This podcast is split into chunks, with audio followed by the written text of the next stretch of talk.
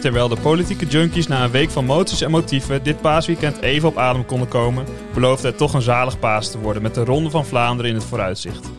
De opmaat naar Vlaanderens mooiste leek veelbelovend voor de sterke eenlingen die de afgelopen week dicteerden. Zowel Van Baarle als Asgreen lieten de benen spreken en kwamen hoog in de lijsten van de boekjes te staan, terwijl Van der Poel openlijk toegaf moe gestreden te zijn. Het resultaat loog er niet om. Een sprint deux waarbij de Deen de Sporza-commentatoren en velen met hen stijl achterover deed slaan. Welkom bij de Kermiskoers, de wielerpodcast met je broodnodige dosis wielerduiding en actualiteit. Door je favoriete Groningse studenten. In het opnemen van de Kermiskoers worden wij ondersteund door de mannen van KVM Media en kunnen wij opnemen in het proeflokaal Hooghuid aan het Zuiderdiep in Groningen. Waarvoor dank. Ik ben Niels de Jonge. Tegenover mij zitten Thijs van den Berg Hallo. en Ronald Hienrichs. Hoi. Welkom mannen, hoe gaat het? Nou, het is nog even bijkomen, want ik kom net terug van de training. Dus ik heb net twee uur gefietst. Toen even snel naar huis gesprint. Even joggingbroek aangetrokken, laptop gepakt en toen weer hierheen. Niet gedoucht. eh, Niet gedoucht, dus sorry jongens dat ik een beetje stink. Maar... En dan denk je van, oh, even hierheen komen op de racefiets. Tegenwind, hagel, Emma viaduct overheen. Gadverdaren. Kon wel beter. Ja, ik was wat eerder hier gekomen, dus lekker droog. Dus dat is mooi. Ja, jij kon nog even luisteren naar de mooie podcast van eh, Mannen voor ons. Van eh KVM Media, die de podcast eh, over FC Groningen maken. Kon veel minder, die doen het erg goed. Maar wij gaan vandaag vooral spreken over de Ronde van Vlaanderen die zojuist is geweest. Ja, En ja, het was echt een prachtig paasweekend waar we daar echt vol de tijd voor hadden om ervan te genieten, toch mannen? ja het begon ook weer kwart over negen, de uitzending. Dus dan eh, vroeg opstaan. De wekker moest weer gezet worden, Ja. inderdaad, voor de hele dag koers. En ook nog na de koers de vrouwen de- erachteraan. Was gewoon een hele ver- werkdag. Ja, in het begin was het natuurlijk nog een uurtje eh, op Sporza gewoon voorbeschouwing. Maar op Sporza voorbeschouwingen zijn ook gewoon leuk. Dus eh Ja, met Bram dat kijken we ook gewoon. Ja, dat was zeker. echt gezellig. Maar ik vond Plankaart, die sloeg wel vaak de plank mis in zijn eh, voorbeschouwingen, eerlijk gezegd. Maar ja, die heeft natuurlijk alle recht van spreken om daar eh, aan te schuiven. Nou, wat dan? Nou, hij zei op een gegeven moment ehm, ja, dat, eh, ja, dat hij het leuker vond om echt een outsider eh, te voorspellen dan natuurlijk weer die grote drie. Oh ja, ja, ja. Ja, maar dat is toch ook leuker. Gewoon op de underdog, eh, of ja, de underdog support. En dan, nou ja, gewoon kijken of die kunnen winnen. Nou, dat snap ik wel hoor. Want dan ga je ook een beetje, wat hij ook zei, dan ga je een beetje anders kijken naar, die, naar de wedstrijd. Van, oh, waar zit diegene die ik voorspeld had? En doet hij het nog goed? Een beetje zo. En in plaats van dat je alleen maar naar de grote favorieten kijkt. Ja, de grote favorieten zitten er natuurlijk wel standaard bij. Dus daar hoef je Ja. dan weinig zorgen over te maken. Dus wat jij zegt eh, klopt deels wel. Maar het is natuurlijk ook wel... Ja, Ik weet niet meer, wie had hij genoemd? ehm, volgens mij Lampaard? Lampaard inderdaad. Maar dat had jij ook gedaan. Ja, ik wil jullie er toch wel even op wijzen dat ik gewoon gelijk had met mijn voorspelling. Dat Asgreen zou winnen. Ja, klopt. Eh, op de Instagram hadden we van tevoren eventjes eh, onze voorspellingen neergezet. En eh, iedereen kon daar ook hun voorspellingen neerzetten. Maar eh, Ronald had inderdaad wel Askreen neergezet. Ja, nou, ik was inderdaad helaas eh, te laat met mijn voorspelling. Want ik had ook de grote man van Quickstep Ja, ja. op het programma Ja, staan. dat is gewoon een indekker, dat telt niet. Nee, nee, ik, ik was oprecht van overtuigd dat hij, eh, hij kon gaan winnen. Maar ik- toen dacht ik, nou, wie is een vergelijkbare renner van Quickstep? Nou, toen dacht ik, Lampaard, die kan het ook wel doen. Maar eh, inderdaad, eh pluim voor jou, Ronald. Echt goed voorspeld. Ronald, had je verwacht dat hij het zo zou doen? Of, eh? Nee, natuurlijk niet. Als, je, als zij met Van der Poel naar de streep rijden in een sprint à deux. Iedereen verwacht gewoon dat, nou ja, eigenlijk Van der Poel gewoon iedere sprint wint. Ja, Dus nee, ik- toen zeg maar, mijn voorspelling is uitgekomen. Maar toen ze naar de streep reden, dacht ik gewoon, ja, Van der Poel gaat gewoon winnen. ja, ik ook. Ja, ik, ik zat met mijn hele familie op de bank te kijken. En toen ze, ja, voor vier, vijf ki- kilometer, toen zag je eigenlijk al dat er geen van twee meer echt ging wegrijden. Ja. En toen, dacht, toen eh, zei ik gewoon letterlijk in de woonkamer, 1000 euro op Van der Poel. Hij gaat sowieso winnen. En toen, Ja, mijn door. zusje, die echt absoluut helemaal niks weet van überhaupt wielrennen of op een fiets zitten. Die lachte me zo hard uit naar die sprint. Ja. ja, het was... Nou, maar je zag het al op de Paterberg, dat ze beide er hard aan snokken en gewoon zij aan zij rijden. Nou, dan weet je dat je niet wegkomt. Ja, maar het was ook bij die sprint. Ik was eigenlijk zo verbaasd toen Askreen won. Dat ik eigenlijk helemaal niet super teleurgesteld was. Want ik was gewoon... Nee, maar je, je, eh, je, je gunt het hem ook gewoon, want hij, zeg maar, hij, hij rijdt ook gewoon door. ja, ja, hij is, het is geen linkerballer. En, maar wie heeft hem ooit zien sprinten? Had iemand dit verwacht? Nee, maar bij de commentatoren die zeiden ook van... eh, kan eh Asgreen überhaupt eh, staand op de peda- pedalen sprinten? Ja, of die is- die doet hij het spraken altijd in echt- het wiel? Die spraken er echt over Ja. alsof hij naar de slagbank werd gereden. Ja, Ja, maar het het is ook zo. En- Maar Askreen was ook wel sterk en had veel vertrouwen in zichzelf hoor. Als hij gewoon dacht van, nou, ik blijf gewoon in zijn wiel zitten. Ik, ik heb hem er wel. Dat is gewoon sterk hoor. ja, maar dat vond ik wel een beetje verbazend dat hij inderdaad... Iedereen zei natuurlijk gewoon... Als hij met Van der Poel naar de streep rijdt... dan moet hij het proberen in een late aanval of zo. Maar Ja, niet in de um, sprint eh wachten. Maar blijkbaar eh, vertrouwde hij erop. Ja, nog even terug naar een momentje in de koers eh, daarvoor. Want eh, ja, zij rijden met een groepje weg van, met Van Aert, eh Askreen en Van der Poel. Maar wie zijn eigenlijk de mannen die ons daarvoor teleurstellen in, eh, ja, in het niet aanhaken bij dat groepje? Alaphilippe. Ja, die, want Ja. die liet zich echt wel zien in het begin van de koers. Maar dat was misschien wel een zwaktebod. Ja, dat is ja, gewoon vroeg aangaan in de hoop dat je er over, overheen komt. Want dat had Haller had dat ook gedaan. Die, ging, die zat in de vroege vlucht of die was later Ja. gegaan. Die ging aan nog een keer op de oude Quaremont, zodat hij met een voorsprong de Paterberg op ging. Nou, dat, die kwam zeg maar precies boven toen met eh, Van der Poel en met Asgreen. Op zich, de tactiek van de koning is natuurlijk dan eentje naar voren meesturen. Dat was dan Alaphilippe.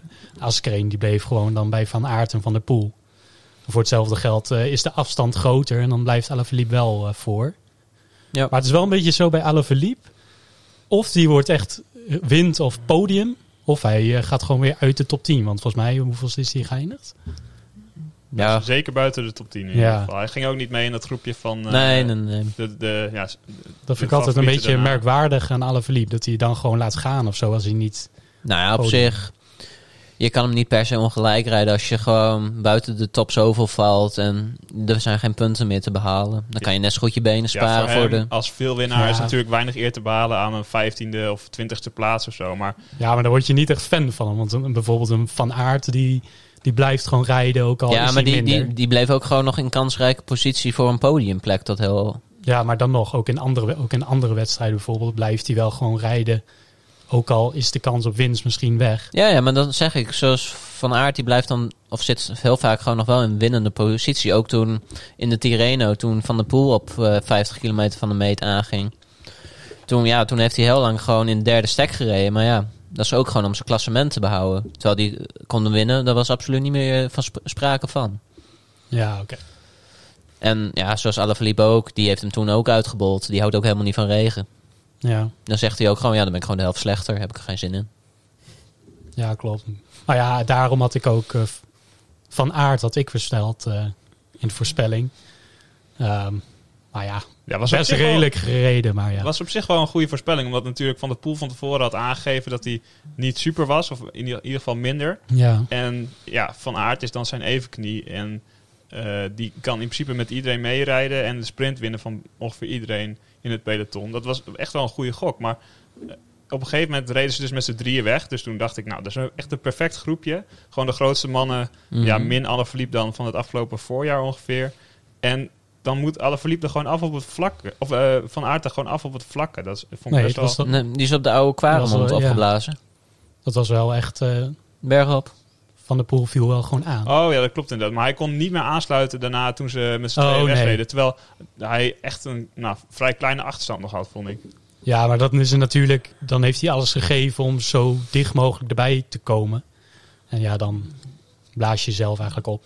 En, En- als je een gaatje moet dichtrijden, is echt guur hoor. Zeker als je al op het tandvlees zit. Ja, na 200 kilometer is dat inderdaad wel lastig. Nou, ook. Nou ja, kijk. Ook na een paar kilometer. ik wil zeggen, ik heb net al een training gehad. En nou, dat, dat stelt nou vergeleken met wat die jongens doen eh, natuurlijk helemaal niks voor. Maar Zat je ook op een gaatje? ik zat zeker op een gaatje. En dan krijg je het gaatje ook niet dicht. Nee, Dus, maar dat is, dat is dat doen ze toch ook? Doen jullie, doen jullie dat ook in trainingen? Dat je bijvoorbeeld twee waaiers hebt. ehm, en dat je dan als tweede waaier moet proberen naar de eerste te springen. Toen ik op Ja, wielrennen dat- zat, moest ik dat een paar keer doen. Oh, dat is echt verschrikkelijk. Ja, we hebben de laatste tijd vooral heel veel oefeningen met dat je dan in één pelotonnetje rijdt, maar wel twee teams he- hebt. En dan moet er één, zeg maar, het team bij elkaar houden. En de andere team moet juist het hele groepje uit Oh. elkaar trekken. Dus die demareren, demareren, zodat het andere team, zeg maar, niet meer compleet is. Dus maar dan, je rijdt dat dus met klinkt twee groepjes in één peloton. ja, gewoon twee teams. Kijk, de, e- de ene moet het gewoon demareren en dan de andere moet zorgen dat niemand kan wegrijden, als het ware. Ja, Oh, dat is echt pittig, jongen. ja dat, is- dat zijn ook wel pittige train, trainingen. En dan heb je bijvoorbeeld, nou, net zoals wat Van Aert hebt, dan heb je een gaatje van nou, een paar seconden.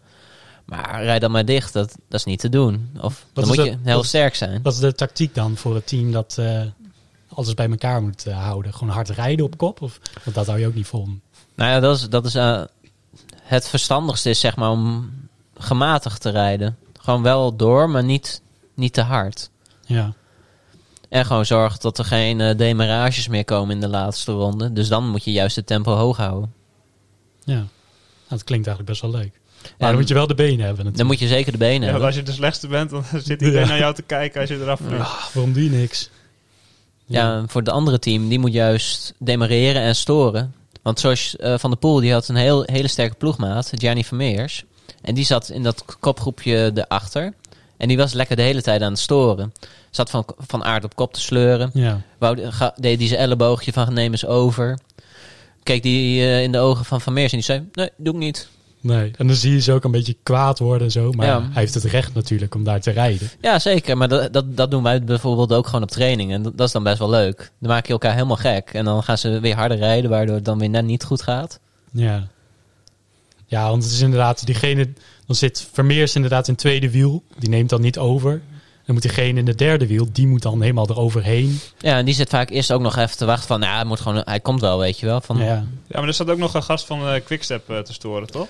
maar die deed eerst wel mee, eerst niet mee. Die heeft Vermeers toen nog een keertje weer gezegd van, oh, rij, help ook een keer met storen, want jouw mannetje zit ook vooraan.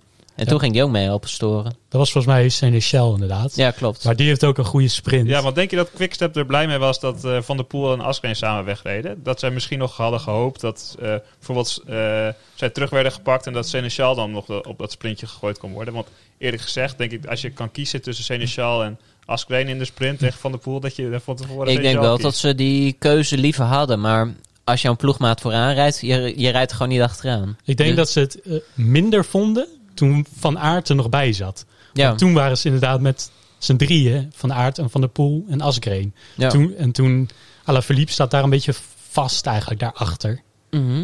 Ja. Ik denk dat ze toen inderdaad dachten van oeh, dit is niet helemaal de goede situatie voor ons. Maar toen Van Aert er op een gegeven moment af was, ja, dan is het gewoon ja, 1 tegen 1. Had ik nog steeds niet verwacht dat Asgreen zou winnen, maar Nee, dat is wel een verrassing van het jaar, denk ik. de, win, de winnaar heeft altijd gelijk natuurlijk nu. Ja, dat is een ongeschreven regel. En ook een geschreven regel volgens mij wel. Maar wat heb je, eh, denk je, als ploegleiding eraan als je van Quickstep eh, om me, eh, Asgreen mee te laten rijden? Want eerlijk gezegd vind ik het van eigenlijk nog steeds geen goede tactiek. Ook al wint hij, dan kun je nog steeds gewoon zeggen van laat in ieder geval Van der Poel werken om naar de finish gereden, gereden te worden. Want hij pakte nu over kop, kop over kop, wordt hij meegereden naar de finish. Ehm, van, van de Poel heeft meer gedaan, hoor. Asgreen heeft wel kortere beurten gedaan. Ja, Ja, maar dat zag je alsnog rijdt hij rijdt mee. Maar, mo- Ja, maar je wil ook moet je niet dan dat- niet zeggen dat, van eh, spring één of twee keer weg of zo? Om gewoon even te testen of Van der Poel mee kan. Want nu wist je totaal niet hoe, of, hoe goed Van der Poel nog was. Ja, maar je moet het ook kunnen. Dat, is- dat is ook de... Je moet ook sterk genoeg zijn om die demarage te plaatsen en dan gewoon... Ja. Want nu gokte die ook gewoon op zijn sprint. En dat was uiteindelijk de goede gok. Dus Ja, het is ook een beetje pokeren. En hij heeft gewoon de goede, goede call gemaakt. Ja. En volgens mij, ik, ik, las, eh, ik las net ook dat eh, vanuit de ploegleiderswagen dat ze ook zeiden: vertrouw op je sprint. Wat wij dus inderdaad niet hadden gedacht. Maar dat is dus wel gewoon de goede call geweest. Dus dat is wel gewoon eh, kudo's. Ja, inderdaad. Kudos voor Quickstep. Want die hebben in de week daarvoor natuurlijk ook al E3 Harelbeke ge- gewonnen. Met echt fantastisch ploegenspel. Waarin ze, nou ja, echt eh AC Dessert te kijk zetten. En ook Van der Poel. Ja. Dus eh, denken jullie dat er wel weer sprake is van een nieuwe hegemonie in het wielrennen? Of een hernieuwde hegemonie eigenlijk van Quickstep? Nou, die, die ploeg is nooit weg geweest. Nee. Die is altijd, die is ieder jaar weer. En dit was ook nog zonder Stibar hè, in Vlaanderen. Ja, want die moest vroegtijdig afwaken. Die had een uh, hartritmestoornis of zo, ja, toch? ik weet niet Ja. precies. wat. Ja, die is eh, er ook al meteen aan geopereerd. Dus die is weer herstellende. Die is met- meteen geopereerd en nu alweer eh, op de weg terug. Nou ja, hij heeft gewoon die operatie gehad. Hij is daarvan een revaliderende, herstellende. Dus of hij binnenkort weer op de fiets zit, dan moeten we even kijken. Ja. Maar ze waren er waarschijnlijk gewoon op tijd bij. En dan is het een relatief kleine ingreep volgens mij. Ja. Maar Ja. de Wolfpack is eh, natuurlijk nooit weg geweest. Nee, maar je had natuurlijk wel het gevoel dat eh, het afgelopen eh, anderhalf jaar... dat vooral de focus lag op Van Aert en Van der Poel. En dat eh, ja, natuurlijk alle verliep nog wel veel won... maar de, de, de renners daaromheen eigenlijk eh, weinig eh, toebedeeld werd. Nou, dat valt wel mee hoor. Volgens mij wonnen ze gewoon ook eh, veel. Seneschal heeft volgens mij... Ik wil zeggen, Quickstep wint eh, voldoende. ja. Dat, die, dat is de ploeg die de meeste overwinningen van alle teams binnenhaakt in een jaar. Mag ik even zeggen dat eh, zo'n naam als de Wolfpack, dat vind ik echt verschrikkelijk. Ja, hoezo? Ik Alsof- vind het wel een alsof mooie zij- benaming. Alsof zij net een, meer een team zijn dan andere teams. Nou, ja, dat is, dat is, dat hoe ze zichzelf eh, te kijk zetten. Ja, dat is hun, hun merk. Dat is hoe ze gewoon. zichzelf Ja, willen profileren. En dat geeft natuurlijk wel een identiteit aan je ploeg. Want heel veel ploegen die krijgen het verwijt dat ze ident- identiteitsloos zijn. Die switchen dan per jaar van naam. Maar deze ploeg met Quickstep natuurlijk al jaren als sponsor heeft wel echt die identiteit. Ik snap dat ze het doen, maar, Maar- ik vind het nog steeds verschrikkelijk. Het- Want nu gaan ook, je ziet ook dat Bora nu overneemt. Die noemen zich dan de Band of Brothers. ja. Alsof zij ook meer een team zijn dan als je zelf niet zo'n naam geeft. En dan, want stel, Seneschal die hoopte in de Vlaanderen echt wel. Die twee werden terug, teruggepakt, zodat hij kon voor de sprint kon. ja, gaan. maar kijk, natuurlijk hoop je dat. Maar ja, het is gewoon je ploeggenoot. De rijden gewoon niet achteraan. Ja, klopt, maar dan- dan moet je niet zeggen, oh, de Wolfpack, wij zijn echt Ja, meer een team dan andere teams. Nee, dat, dat is dus één team, één taak. Hè? Maar kijk, het hele erge nog aan de, de Wolfpack, Wolfpack eh, merk, zeg maar, is dat ze nu gewoon ook in hun, hun t-shirtje hebben ver- verwerkt als Ja. van die wolvenhaartjes. Kijk, dat, dat is gewoon net een stap te erg, eigenlijk. Nou, ik vind het juist wel grappig. Je- Weet je, je probeert je toch te onderscheiden eh, als team. Ja. Er zijn heel veel van die teams. Bijvoorbeeld bij eh, Jumbo-Visma. El- na elke overwinning dan zetten ze op Instagram van... eh, thanks for the team for this big win. Terwijl... Nou, dat doet iedereen. Ja, dat doet iedereen. Maar dat is, ja, als je, dat is toch ook een beetje niks zeggend na elke keer. Terwijl als je jezelf identificeert als Wolfpack... die iedereen een overwinning gunt... en die dat eh, afwisselt van elkaar... Ja, dan, Weet je, dan creëer je toch een, meer een band met je publiek, denk ik. Ja, de- ik snap ook dat ze het doen.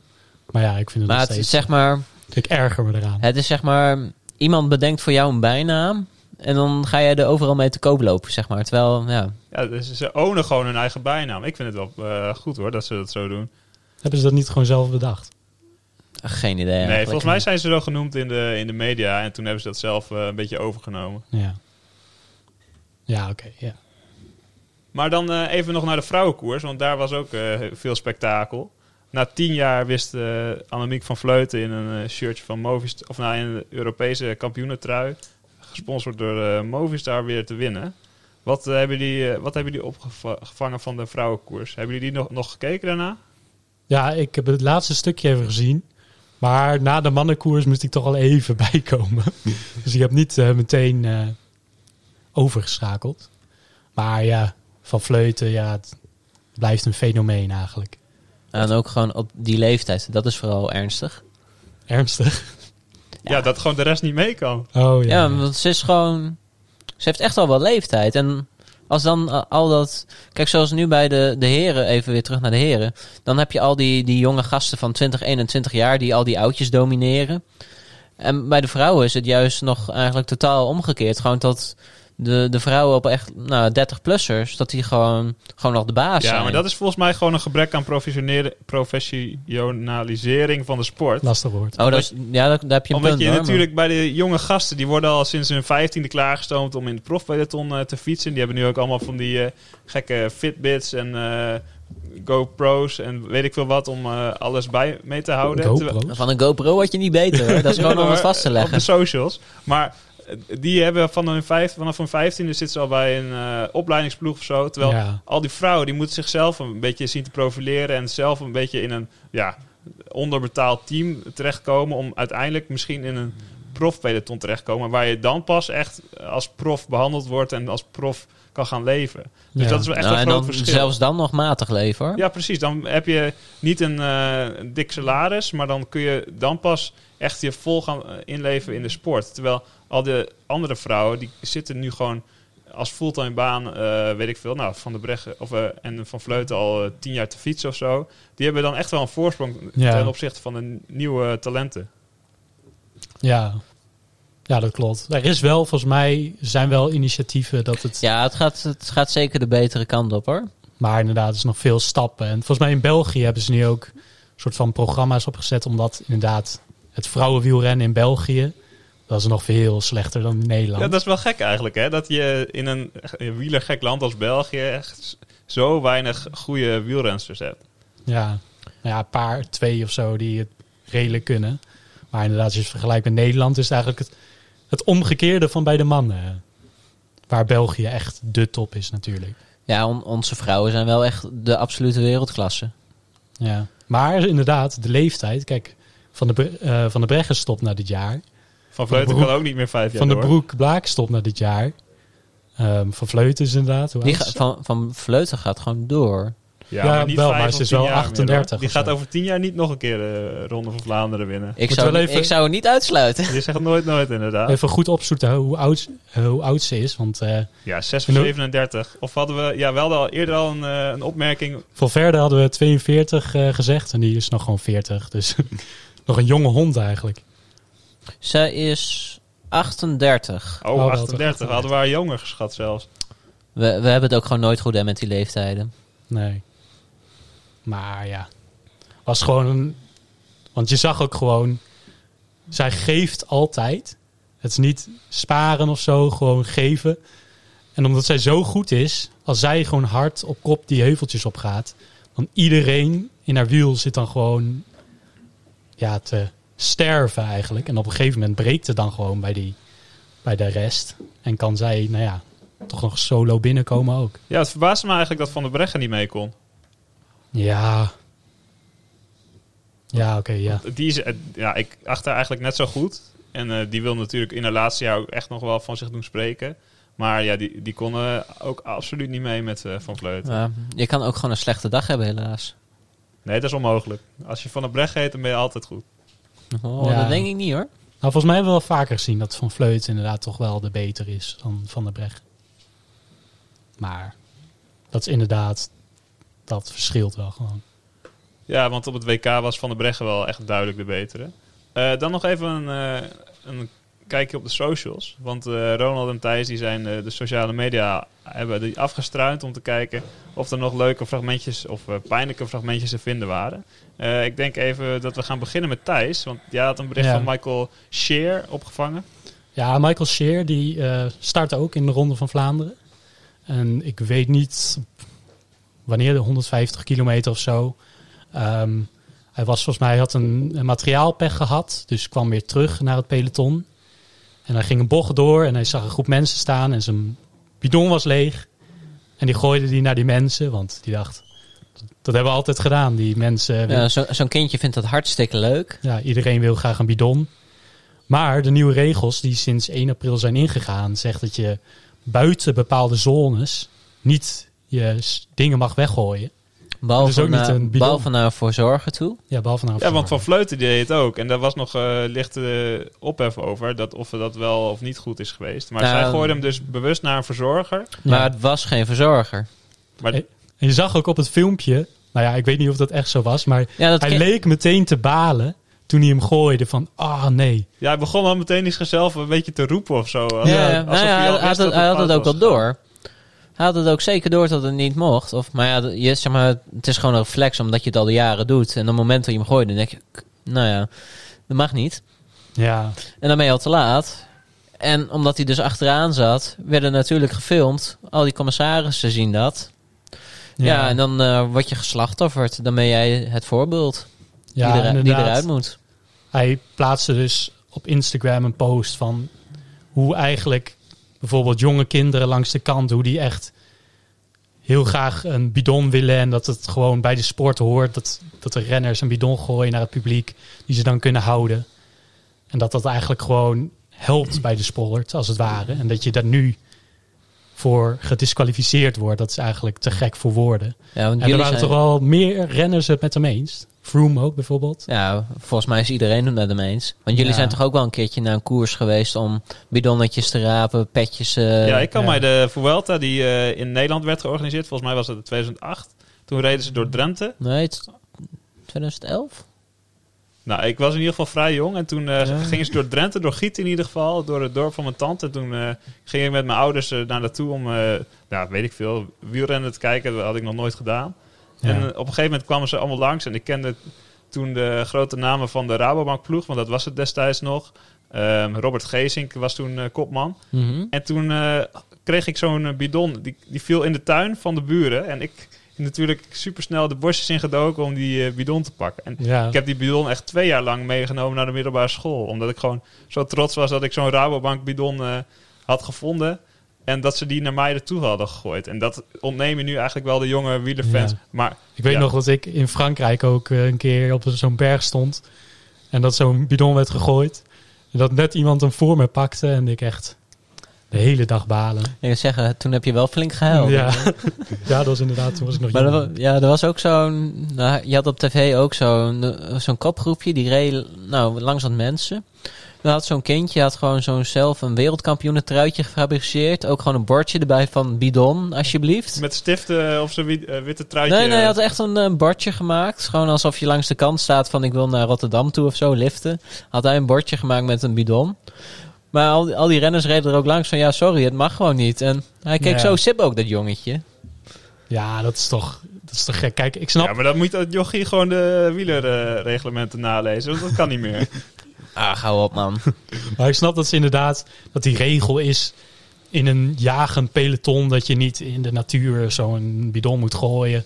Nee, maar Want dat, het kan ook dat hij terugstuitert en in, een, in het peloton eh, valt of zo. Zeg maar hoe eh, Thomas vorig jaar zijn heup brak in de Giro. Ja, ik snap dat het daarvoor de regel is, maar op zo'n plek waar wat Sheer, dus in de Ronde van Vlaanderen, hij reed in zijn eentje. Niemand, eh, hij reed ook helemaal niet hard. Gooide gewoon die bidon gewoon rustig naar de toeschouwers. En ja, dat, Ja, dan, je weet ook gewoon, die worden opgepakt. ja, Ja, maar wat Ronald zegt, ik denk dat hij gewoon geslachtofferd is om de duidelijkheid van die regels aan te stippen. En dat, het, dat de UCI niet met zich laat spotten over die nieuwe regels. Maar ik ben er wel van overtuigd dat als je eh, die regels in acht neemt, dat je natuurlijk ook nog wel een beetje kan kijken naar wanneer het gevaarlijk is en wanneer het gewoon in dienst is van de koers. Ja. Ja. Nee, want zoals bij de vrouwenkoers is ook nog zo'n Italiaans meisje uit koers genomen om precies dezelfde reden. Maar vervolgens de winnaar wordt niet uit koers genomen, terwijl die ook precies hetzelfde deed. Want op die beelden is ook te zien, nou, ze gooiden hem naar een man met een blauwe jas. Die was niet van Movistar. Maar vervolgens pakt een kindje, met, eh, die rent er naartoe om die bidon op te pakken. Ja, maar, eh, ik had die foto gezien, maar dat was dus niet een, een verzorger of zo. Nee, Want dat was gewoon Daar een leek man. het wel op, want in, de, in die rij daarvoor zag je wel dat er een aantal verzorgers bidons eh, aan het... eh, Ja, maar het, het, het, was dus gewoon een man met een blauwe jas toevallig. En nou ja, zoals Van Vleuten ook zei, ja, we hadden hoge snelheid. Ik zag een blauwe jas. Ik denk, dat is van mijn ploeg. Maar dat was niet zo. Dus ja, Ja. als je gewoon heel streng bent volgens de UCI... had ze gewoon uit koers moeten genomen worden... of gedisqualificeerd na afloop. Maar dat doe je niet. Of een tijdstraf. Dat zou nog eh, pijnlijker zijn. Dat je net zoveel tijdstraf krijgt dat je tweede wordt. Ja. ja, Nee, dus het, zeg maar, het is gewoon... Ze hebben die regel ingevoerd... en direct bij de eerste koers werken ze ook al meteen met twee maten. ja. Ja, het blijft inderdaad raar. En, Nou, ik snap wel dat het is makkelijker om Share eruit te halen dan om Van Vleuten eruit te halen. Nee, tuurlijk, het is makkelijker, maar het is wel met twee maten. Het is gewoon absurd. Want als ze gewoon consequent zijn, hadden ze gewoon van Vleuten moeten disqualificeren. Hoe, hoe Ja, maar- vervelend dat ook was voor, de, voor ons, voor de uitslag, voor iedereen. Maar dat is gewoon als je de regel letterlijk volgt. Ja, maar er is natuurlijk ook nog een verschil tussen het feit dat Share die gooit hem bewust wel naar mensen die geen verzorgers zijn. Maar, Nou, En eh, Van Vleuten die nou ja, waarschijnlijk denkt dat het gewoon een verzorger is van haar ploeg. Dus ja. het is bedoeld of onbedoeld eh, naar iemand gegooid waarvan zij dacht dat het gewoon een verzorger was. Dus de intentie was wel anders. de intentie is anders, maar de regel is hetzelfde. ja, oké. Ja, kijk, dit is zo'n discussie waar je niet uit gaat komen, maar Nee. het is gewoon meteen... nou, de UC is er wel uitgekomen. Want het is ja, wel besloten het om is, haar, eh, eh, het is gewoon meten met twee maten. Het is gewoon verschrikkelijk. Ja, je ergert je eraan dat het, eh, dat het verschil in eh, straffen zo groot is? Ja, tuurlijk. Nee, want ehm, de UCI die meet heel vaak met twee maten. Want je had bijvoorbeeld, dan gaan we al van, want ik zie een bruggetje naar Vroom. Die had een paar jaar terug, die had van die pufjes. Nou, dan, ja, van die salbutamol ja, dat die er had van die pufjes, die had, te veel, die had te veel genomen. Of dat was te heet, waardoor zijn waardes te hoog waren. Werd zijn hand boven het hoofd gehouden, werd, eh, werd niet geschorst. En vorig jaar had je hier in Groningen een amateurrenner. die had precies hetzelfde. Die werd voor vier jaar geschorst. Maar die heeft niet de uitstraling, die heeft niet eh, een advocatenteam om hem heen. Die, die heeft geen waarde voor de UCI, zeg maar. Die wordt dan gewoon minder Ja. waarde voor de UCI. ja, die, die wordt gewoon voor vier jaar geschorst. Terwijl die gewoon precies hetzelfde heeft als Vroom. Dat is gewoon ma- meten met twee maten. Ja, ik weet nog wel dat toen eh, volgens mij bij de Italiaanse koersen werd er een, eh, een, een, eh, een fan in beeld gebracht die zo'n hele grote salbutamol Ja, toetertje meedroeg en die even langs Froome eh, liet zien. Omdat hij natuurlijk echt wel de schijn tegen had dat hij eh, eh, ja, expres eh, die waarde niet goed eh, mee had laten meten. maar zo dat, dat, dat is Italië en Frankrijk. Die zijn natuurlijk geen fan van Froome. Nee, die zijn ook daar iets emotioneler Ja. daarin. Dat zijn hele gepassioneerde mensen. Ja, Nee, maar het is gewoon het vervelende. Kijk, je wil gewoon dat die sporters gewoon kunnen sporten. En dan als ze uit koers worden genomen door maatregelen die met twee maten worden gemeten. Dat is, dat is gewoon echt, nou, kan je niet goed praten. ja. Dat is ik- inderdaad best pijnlijk. En ik ben, ben benieuwd hoe dit nu eh, gaat lopen, inderdaad. Ja, Er zijn toch best wel veel renners die nu een soort protest hebben ingediend, als het ware. Naar wat Sheer zei eigenlijk. ja dit, dit krijgt zeker nog een staartje. Dit, eh, dit wordt nog wel een leuke discussie. Want eigenlijk iedereen schaart zich achter share. Ja. Oké, dan hebben we nog ook eh, de social media post van jou, eh, Ronald. Ik weet niet, wat had jij meegebracht? Nou ja, het, het was eh, niet echt een social media post. Maar het was meer eigenlijk gewoon wat ik, wat ik vandaag ook heb gedaan. En dat het mij heel erg moest denken aan een, aan een fragmentje... wat volgens mij Laurens de Dam een paar maanden terug eh, ook eh, had meegemaakt. Dus dat vond ik meer gewoon leuk. Want nou, mijn, mijn vader is echt al jarenlang een vijver aan het bouwen in de tuin... en ik help hem daar gewoon mee. Maar het is zeg Hij maar... is jarenlang al een vijver aan het bouwen. Nou, dat duurt heel erg lang. Dan is hij Ja, wel is kundig. meer. Ja, maar dat, dat is dus de... Hij is een meer aan het bouwen. Nee, het is 1 vijver, maar dat is dus de grap. Want maar we hebben best een redelijke tuin. Maar die, die vijver hebben we dus gewoon echt al... Nou, die is 2,60 meter diep of zo. Hebben we in de grond gegraven. En met een graafmachientje alles. Vervolgens beton gestort. Helemaal alles opgemetseld. Maar vandaag... eh, en dat is de vijver. Maar daarnaast hebben we ook nog... Maar dan doe je toch gewoon water erin en dan is het klaar? Of? Nee, Nee joh, Niels. Nee, het, het moet natuurlijk wel gewoon goed, hè. Dus mijn vader heeft er ook, zeg maar... Die heeft die hele vijver gemetseld en alles. Je kan het ook gewoon gebruiken als zwembad straks. Maar die heeft er dus ook een apart huisje naast gebouwd... voor de filters. Gewoon Een huisje voor de filter. Ja, een huisje dus voor de filters. Klopt toch gewoon zo'n chloording in het zwembad en dan is het klaar? Nee, nee, nee. Het, het, het moet allemaal gewoon goed, hè. Het moet eh, state, of- state of the art zijn. Dus we hebben gewoon een... Het is gewoon een, hoe heet dat? Hij is gewoon 2,5 bij 4 meter. Dus we kunnen hem ook vuren als studentenkamer voor de liefhebber. maar, Met een zeiltje eroverheen. Nee, maar... Ja, de meeste internationale studenten die naar Groningen komen, die hebben dan nog meer dan Mhm. ja, we eh, kunnen er echt gewoon zo'n 600 euro... tentenkamp bij de Aklo. We kunnen er gewoon 600 euro voor vangen als we die verhuren. Hij heeft gewoon stromend water. Maar we hebben dus vandaag daar zo het, het eh, dak erop gelegd. Maar ook gewoon met eh, dakpan en alles. En dat had... Nou, dat was dus gewoon eigenlijk gewoon een lekkere paas eh, maandag. Gewoon de hele dag een beetje op dat dak, die dakpannen leggen en alles. Maar dat was toch wat, wat juist Dumoulin met Bram Tankink had gedaan. Oh, was het Dumoulin? Dat kan ook. Ja, we hadden inderdaad de vorige eh, aflevering volgens mij. Of, Nee, dat was in de pilot die we hebben opgenomen, Oh, ja. die niet voor de luisteraars beschikbaar was. Maar daar hadden we inderdaad een post van eh, Bram Tankik gevonden. Van, eh, ja, volgens mij Tom Dumoulin, die met hem daar een dak stond te dekken. Maar daar moest je aan denken. Ja, daar moest ik, toen ik zeg maar daar vanmorgen mee bezig was met mijn pa, dat, dat deed me heel erg daaraan denken. Lekker, je, je voelde je echt Dumoulin eigenlijk. lekker Ja. op een besneeuwde paasmaandag. Ja, we zijn echt ook drie keer gestopt omdat we even moesten schuilen voor een sneeuwstorm. En we, we hebben ook een hond. Nou, dat is, dat is geen watje. Die, die houdt echt wel van regen en alles. Zo, heb je een dappere hond die buiten durft? Ja, we hebben, we hebben een hele dappere hond. Maar die, zelfs die zeg maar, die ging om het duur zo van... eh, zullen we gewoon naar binnen? Want eh, Jouw hond zegt, zullen we gewoon naar binnen? Hey, hey jongens, kom even van het dak af. Ja. jongens, ik kan echt niet meer. Ga, ga één naar binnen toe. Doe Ja. even die deur voor mij open. Dan heb je wel heel lang aan het dak gewerkt. Dan Is het dat, hallucineren, het, jongen. maar is het nu klaar? Of? Het Nee, dak... het mag nog een paar jaar duren hoor. Nee, hij moet eigenlijk wel gewoon deze zomer af. Maar het, het dak zit er nu op. Nu moet er nog een deur in. Oh, dat is weer eh, voor de volgende Dat is voor de volgende keer. Dit, dit verhaal wordt vervolgd, maar... Oké, dat houden we even inderdaad bij eh, hoe dat loopt. Maar dit, ja, dit was dus niet echt een social media post, maar dit moest, ik moest hier gewoon aan denken, aan die, aan die gebeurtenis van die, eh, van die wielrenners. Ja. Oké, nou, dan hebben we ook nog een eh, leuk nieuw fragmentje dat we willen introduceren. Om de minder eh, besproken wielrenners onder de aandacht te brengen. En dat gaat als volgt. is toch niet waar? Het is wel waar! Het is Van der Poel de Amstel Gold Race wint. He's a great time, Charles. He's proving he's a great rider as well. Oh, chapeau, top de Malard. Kijk toch eens, Van Vleuten! Van Vleuten wint hier op de streep! Hoe is dit mogelijk?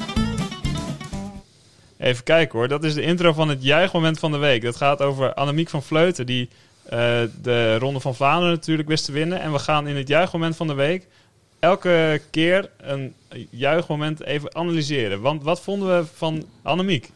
Ja, het was toch wel echt een, een klassieke eh, twee armen in de lucht. Eh, ja, juichen eigenlijk. Maar ik vond toch wel, je zag duidelijk dat er geen publiek was. Want het was toch wel een beetje geforceerd juichen. Want Nou, ja, zonder publiek daar in de Ronde van Vlaanderen, die laatste straat, is het toch gewoon een beetje saai eigenlijk. Nou ja, het juichen zelf was gewoon ook saai. Ze, Ja. deed, ze deed niks spannends. Gewoon de armpjes omhoog. Vervolgens de armpjes of de handen voor de borst om even het logo of voor de sponsor te laten zien. Ja, Zeg maar dat even- vond, ik nog wel, dat vond ik nog wel opvallend. Want Nou, dat doen ze, zeg maar, als ze de tijd hebben, dan doen ze dat eigenlijk allemaal. Ja, maar dat- bijna altijd wel een, jasje dicht. Om er gewoon even duidelijk die sponsor in beeld te kunnen brengen. Maar Ja. voor- eh, dat eh, even met die vingertjes naar het logo wijzen, dat doen ze niet allemaal hoor. Nou, dat zie je wel vaak hoor. ja, je ziet het vaker, maar dat laat toch wel zien dat Van Vleuten toch wel thuis is bij, in, bij Movistar. Wat ik toch wel. Toch wel, ja, het is ook wel leuk. eh. gewoon dank naar de sponsor toe natuurlijk. Maar ja, deze, dit juichen was gewoon, gewoon heel, heel klassiek. Gewoon, gewoon een beetje ordinair. Ordinair? Nee, ik vond het eh, zeker in zo'n eh, nou ja, lege koers eigenlijk, met eh, weinig publiek, vond ik het wel een, een klassiek, eh, klassiek juichmoment. Ik, ik had er Ja. in principe niks op, aan, niks op aan te merken. Maar Wat dan- had jij dan voor... eh, Nou ja, je, je, bent wel een monument hè. Je, je mag wel wat vrolijker over die streep komen. vind was je dan. dan liever als Pitcock over de streep gekomen? Heb je die wel eens gezien? Die gaat dan... eh, Superman. ja, die ging dan als Superman over de streep. Nou, dat, dat is toch veel Dan mooier. Dan heb je ook een beetje entertainment. En zij had, zij had zeg maar ook dusdanig voorsprong dat ze wel gewoon de tijd had om na te Ja. denken over hoe ga ik eens juichen. Maar Van Vleuten is al wat ouder. Hè? Je wil niet dat het in de rug schiet. ja, je hebt ook nog de rest van het jaar te fietsen. Dus Ja. je moet Nee, klopt zijn. inderdaad. Dan is de chiropractor er ook niet blij mee als ze dat soort dingen doet. Maar Ja, maar normaal, normaal bij het publiek heb je gewoon daar rijen mensen. En dan kan je eigenlijk een beetje net gaan doen alsof bij, alsof bij de... Ja, maar dan gaan ze ook de- een beetje slingeren. Dan krijgen Ja. ze een Nederlandse vlag of dan een vlag van, de win of van het land waar ze vandaan komen. Krijgen ze toebedeeld. Gaan ze met die vlag over de streep. Een beetje high fives geven en zo. Ja, dat is bij het veldrijden. Maar ja, dat, dat zat er niet in vandaag. zat helaas, helaas niet in, nee. Maar Een paar bewakers een high five geven, dat had nog gekund. Nee, misschien een elleboog. Want je moet natuurlijk ook wel een Ah, ja. beetje gepaste coronamaatregelen ja, je moet ook gewoon altijd niezen in de knieholte. hè? Niets Ja. in de knieholte. Ja, dat is wel het veiligste. Is dat bij eh, jullie wielervereniging het gebruikelijke vanaf nu? Nee, nee, nee, dat doe, dat doe ik gewoon, dat hanteer ik gewoon zelf. Oh, dat is gewoon standaard. Ja, Ja. dat is gewoon de standaard. In je eigen knieholt. Ja, nee, in die van jou. ik ben niet Oh, zo oké. lenig, dus ik, als ik nies, dan nies ik in jouw knieholte. Ja, ik kan niet bij mijn eigen knieholt eh aan mijn neus. Maar even sprake. Ehm, ja, eigenlijk was het gewoon... eh, ik vond het misschien wel leuker nog dan die van Askreen. Hoewel ik niet heel goed naar die van Askreen heb gekeken. Want ik was een beetje... Jij was nog een beetje... meer ondersteboven van het feit dat Van der Poel niet Jij was nog een beetje mis. kwam. Jij lag nog boven je teltje te kotsen.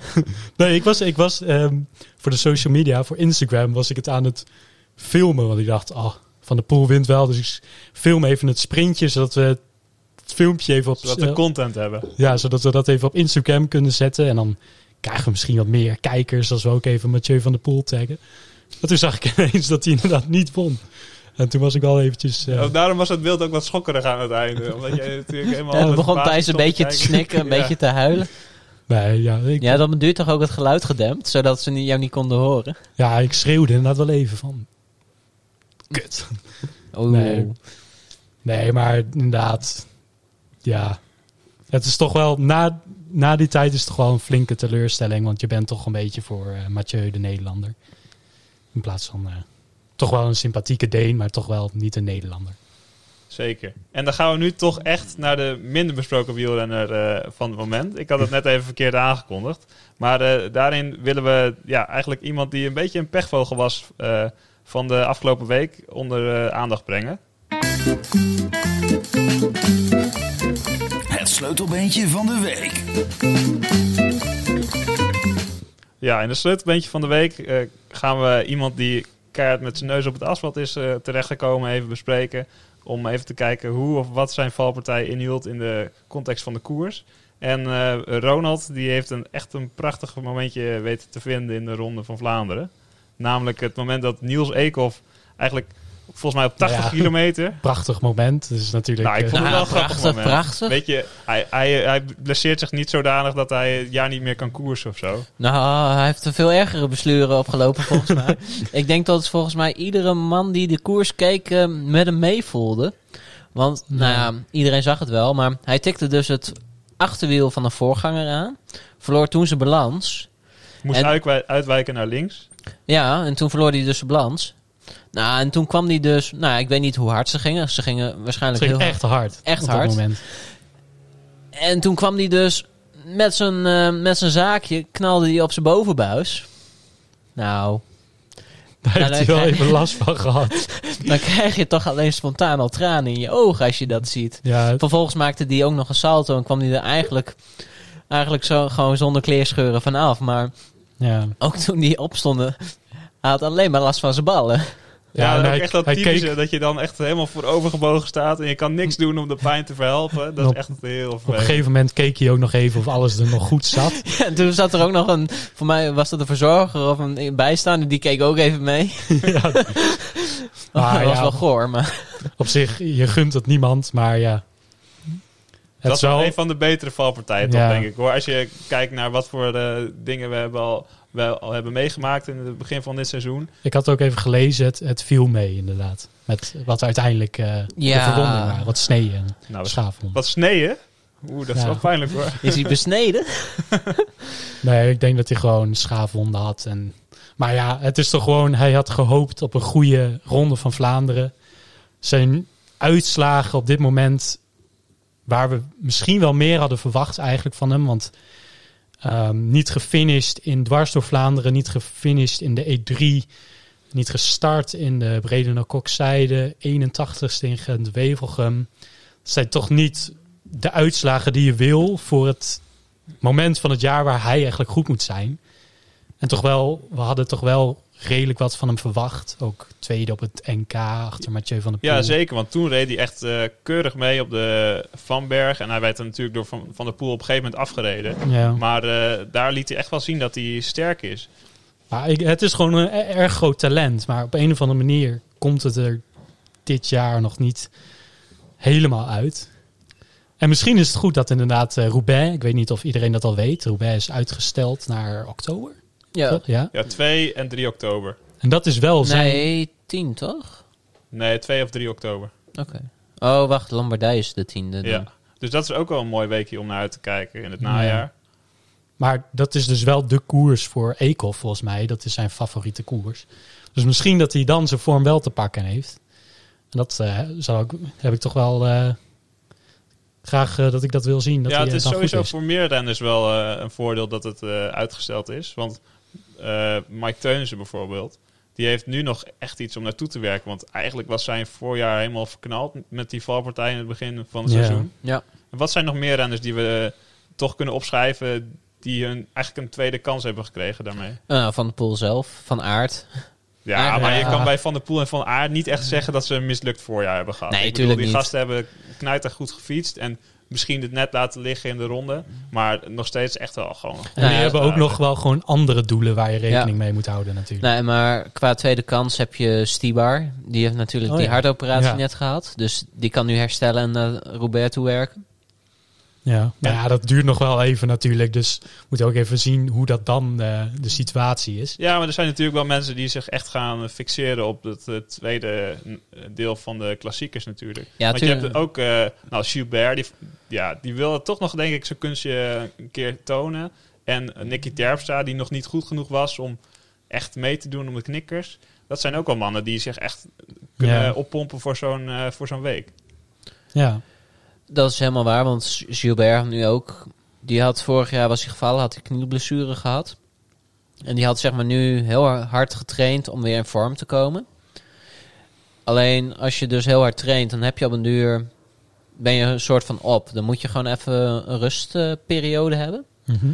Nou, nou had het gewoon eigenlijk gewoon slecht getimed wat dat betreft. En hij was dus, nou ja, een paar week of twee geleden was hij gewoon, was hij gewoon op. Hij moest even rust nemen. ja. Dat was na Sanremo, dacht ik. maar dat is dat, dat ook dat gewoon de, de goede beslissing. Want je hebt vaak renners, wat Dumoulin ook even gedaan heeft, dat hij toch wel blijft koersen. Terwijl hij mentaal en misschien fysiek ook wel een beetje gewoon helemaal niet zijn kopje erbij heeft. En ja, dat is eigenlijk... Je kan het beste dan gewoon rust nemen, zodat je alles eh, in orde kan krijgen. En dan gewoon wel weer gaan pieken, als het ware. Ja, maar dat terwijl je natuurlijk ook heel veel van die, vooral oudere renners hebt, die dan echt eh, gehard moeten worden door de koers om echt mee te kunnen doen in die finale. Bijvoorbeeld Van Ja. Avermaat, die heeft dat heel erg. Die moet echt eh, een aantal grote wedstrijden rijden om echt mee te kunnen doen. Dus Ja. ja, je hebt natuurlijk ook wel die koershardheid nodig om überhaupt eh, goed te zijn. Maar er zijn wel altijd koersen in het jaar waar je wel gewoon je ritme kan opdoen. Ook al zijn het misschien niet per se ehm, voorjaarskoersen. Ja, want dan, je hebt dan ook gewoon de, de Ronde van Spanje heb je dan. Ja. Je hebt eh, de klassiekers in Canada. Je hebt zo, nog zo'n sprintwedstrijd in Duitsland rond die tijd. En nog allemaal hele kleine koersjes. Dus ze hebben genoeg, eh, genoeg kans om eh, in vorm te rijden voor Roubaix. Ja. Want daarvoor is ook gewoon het wereldkampioenschap waar ze, ze gewoon goed willen zijn.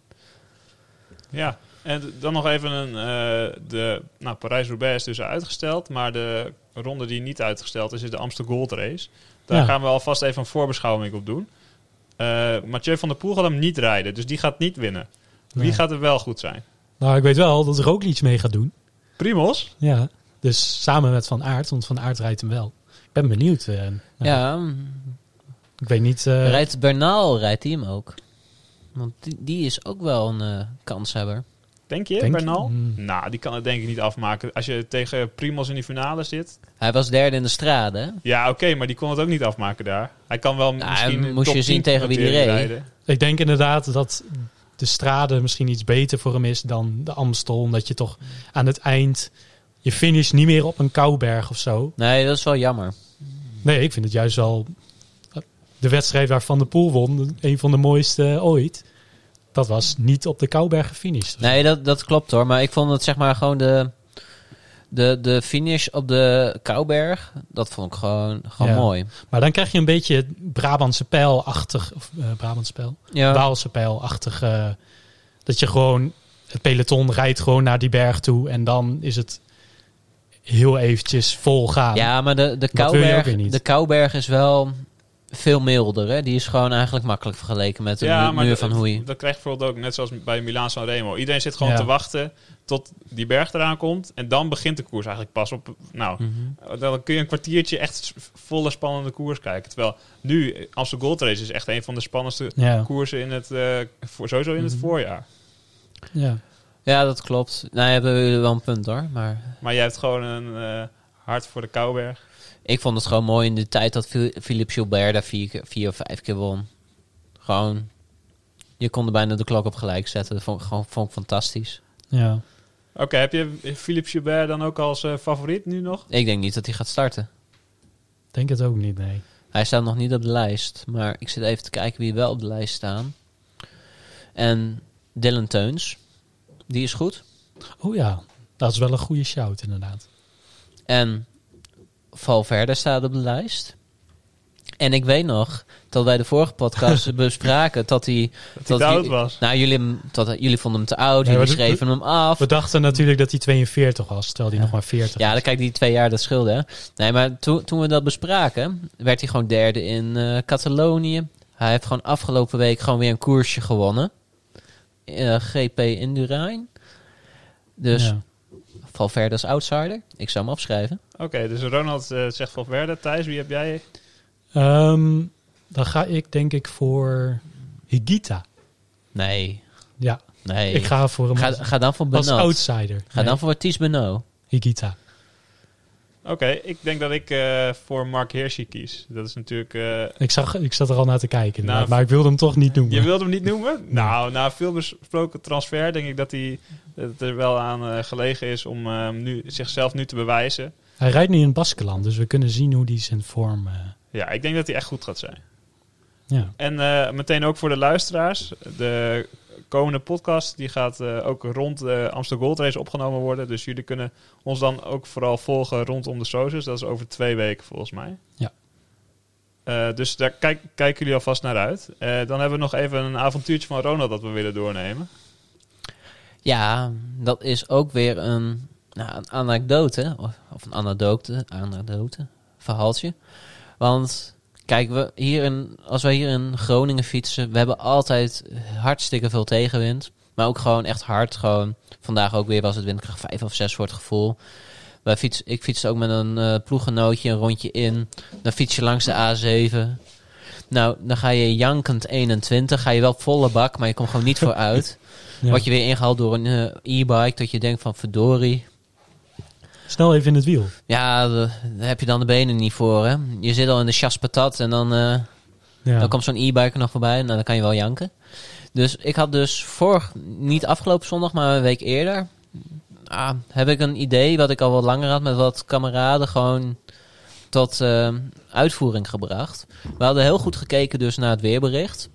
Want het, het zou gewoon gaan waaien, het zou gaan regenen. Het was gewoon lekker guur weer, zoals we dat kennen hier. Dus waar kwam de wind vandaan? Nou, zuidwesten. Dus wij, ik, had een, eh, ik had mijn huisgenoot geregeld voor een, om ons te brengen. Koen? Nee, nee, eh, Laurens. Oh, Oké. Laurens. En ik had één eh ploeggenoot had ik mee. En de, de vriendin van Laurens, die gingen mee fietsen. Dus we waren met z'n drieën. Dus eh, hij, Laurens heeft ons afgezet in Urk. Toen zijn we in één... In re- Urk? In, in Bij de Urk. reporterschopper. Op Urk, hè? Ja, ja. Oh, op Urk. Op Urk, ja. Dat was fantastisch. Toen wij eraan kwamen was er al niemand meer. Was het, op welke dag was het? Op de zondag? Ja, het was echt op de dag dat die eh, journalisten in elkaar is Echt? getimmerd, waren wij daar. De dag des heren. Ik, ik dacht je al te herkennen op dat filmpje, Ronald. eh. Ja, dat was ik. Ja, Die, die, die benen herken je Oh, overal. was dat goeie- die fietser die zo'n eh. eh, stok door zijn wielen gaat duwt. Ja, dat was ik, want ik, ik moest weer op het asfalt liggen. Dat had ik al een tijdje niet gedaan. Maar wij dus op Urk begonnen wij ons fietstochtje. Regen dat het was, koud. Maar wij dachten dus gewoon één rechte streep terug naar Groningen. Wind mee, 100 kilometer. Nou, mo- mogen jullie even raden, hoe, hoe snel ging ik? Nou, waar ga je dan allemaal langs? Eén rechte streep. Wolven, we zijn dwars de Wolvenga gekomen. eh, nog wat andere Kijk. obscure Friese plaatsjes. Ehm, Eh, Drenthe. eh, poeh. 100 kilometer met z'n tweeën. Met z'n drieën. Drieën, Waarvan eigenlijk, eigenlijk met z'n tweeën. Want eh, Lieke die mee was, die heeft eigenlijk alleen maar in ons wiel gezeten. Ehm, dus we, met z'n tweeën met een koppeltijdritje hebben we het gedaan. Nou, uurtje of drie? Uurtje of drie. Wat zeg jij Thijs? 36 kilometer per uur. Jullie zitten beide in de buurt. Het was 36,5 gemiddeld. In twee uur en drie kwartier. Oh, dat is echt wel netjes, man. Ja, maar dat was ook gewoon, gewoon echt heerlijk. Maar je want- had het ook uitgekozen met die wind in je rug natuurlijk. Ja, tuurlijk, we gaan dat niet met wind meedoen. Nee, dus dat was gewoon wel lekker. Want je, je zit gewoon een keertje... Je bent gewoon niet guur aan het gaan van die wind. Je rijdt gewoon met een rustige hartslag. Rij je gewoon 40 per uur gemiddeld. Oh, zo kom je aan die gemiddelde. Dus gewoon elke keer uitkiezen waar de wind vandaan komt en dan eh, lekker rijden. Ja, wie niet slim is... Terecht. Of wie niet goed is, moet slim zijn, toch? Ja. Nou, dan- Maar eh, hoe, was, hoe was Urk? Nou ja, Mooie, mooie plaats natuurlijk. Ik eh, kan daar geen uitspraken doen zonder mijn advocaat. want anders heb ik straks eh, mensen voor mijn deur staan. Nee, ik vond het niet heel spannend. Het was gewoon... Ja, Noordoostpolder. Alles getrokken met de liniaal daar. Het is vreselijk Ja. saai. Maar je- wel, eh, dus dan harde wind als je inderdaad in die open... Ja, dat wel. Dat is wel een voordeel. Maar als je daar vervolgens ook weer moet fietsen met wind tegen, nou, kan je huilen. Kan je de bus pakken, denk ik. Nou, als jij zulke goede gemiddeldes eh, rijdt, Ronald, dan kunnen we ons voorbereiden op het eh, kommetje van deze week. Kommetje. Kommetje. Kommetje. Kommetje. Ja, het kommetje van de week is ook echt voor de pure sprinter. Ehm, hij ligt tussen of naast Ten Boer. Of ja, Ten Post, Ten Boer. Bij een mooie pittoreske plaatje Hemert. En dan gaat hij richting de stad. Hij heet Snel Fietspad. Snel fietspad. Snel Fietspad. Heel Is dat een aanmanende naam voor de eh, eh, Ja. renners die er overheen gaan? Ja. Oeh. Ja, we krijgen ook een luisteraarsvraag. Het kommetje, dat staat... eh, kijk, we, wij fietsen natuurlijk allemaal met Strava. En daar heb je... Nou, je hebt daar een beetje een onderlinge strijd met elkaar. Wie de, wie de snelste is op bepaalde stukjes. Dat zijn segmenten. En als je eh, zo'n segment als snelste hebt, dan heb je het kommetje dus. Dan ben je de king of the mountain, ook al zijn er geen bergen hier. In Nederland wordt het inderdaad gewoon ook als kom aangeduid. Ja. Terwijl het echt eh, puur eh, biljartlaken is in eh, Oost-Groningen. Ja, dus alles is een kommetje. Maar dit kommetje is dus ehm 1,3 kilometer lang. En ik heb hem dus gereden. Ik heb hem al echt wel meerdere keren geprobeerd. Want nou, ik heb deze als het ware een beetje geclaimd. Ik wil deze ook houden. Dus dit is wel een echt een stevige uitdaging. Voor de mensen die het willen proberen.